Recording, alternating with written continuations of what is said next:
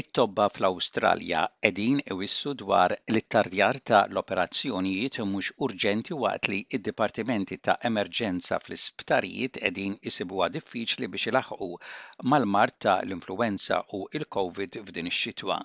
Din il-kriżi wasslet biex diversi mexxejja statali jżidu n-numru ta' paramediċi u ambulanzi.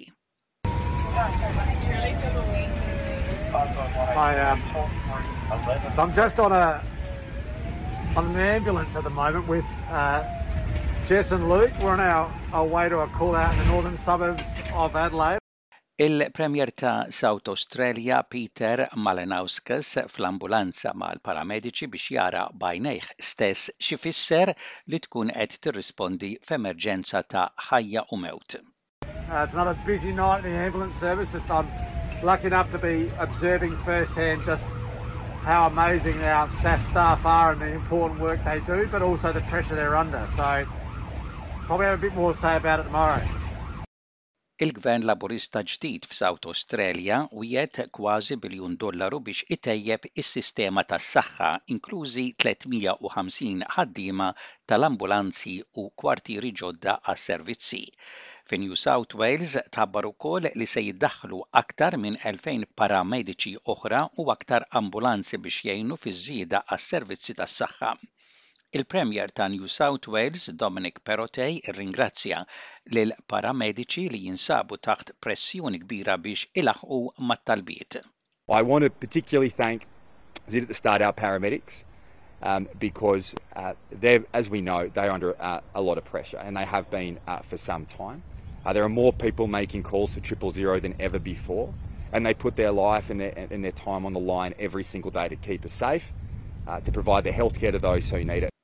Madwar 25,000 persuna jiddaħħlu f'dipartimenti ta' emerġenza mal-Awstralja kollha kuljum Ħafna qed ikollhom jistennew għal sigħat twal biex jarahom it-tabib. L-isptarijiet pubbliċi jinsabu taħt pressjoni kbira minħabba li ħafna mill-ħaddiema mhumiex qegħdin jaħdmu minħabba l-influwenza u l-Covid.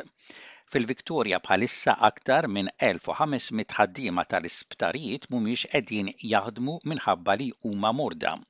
Il-President ta' l-Assoċjazzjoni Medika Awstraljana fil-Victoria, Roderick McRae jiddeskrivi n-nuqqas ta' ħaddiema bħala problema profunda u kull parti tas-sistema tas-saħħa tinsab f'diffikultà.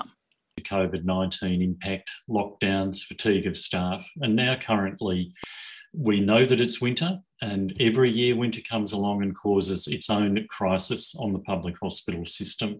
This year it's profoundly compounded by the number of inpatients being treated for both COVID 19 related illnesses and now influenza A illnesses. Every part of the healthcare system is under strain. Roderick McRae jgħid li flimkien mat-tilqimiet kontra l-influwenza u l-Covid, l-ilbies tal-maskeri ġewwa jista' jnaqqas ħafna mit-tixrid tal-Coronavirus u l-influwenza allavolja l-ilbies tal-maskra mhux obbligatorju.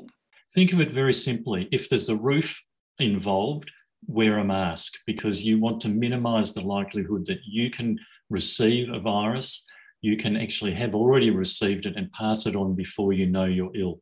u mhux id-dipartimenti ta' l-emerġenza biss jinsabu f'diffikultajiet biex ilaħħqu mal-pazjenti. Hemm ittardjar f'operazzjonijiet mhux urġenti u dan qed jaffettwa n-nies ma' l-Awstralja kollha. Dottor Matthew Hatfield huwa il-Kap tal-Kulleġġ tat-Tobba fl-Awstralja. Huwa jgħid li f'dak li għandu x'jaqsam ma' l-operazzjonijiet hemm tliet affarijiet li rridu nikkunsidraw, aktar ħaddiema, aktar faċilitajiet u s-separazzjoni ta' operazzjonijiet ippjanati u dawk ta' emerġenza. I think everyone agrees that in terms of surgery, the three things that, that are needed to deal with this backlog is more staff, more facilities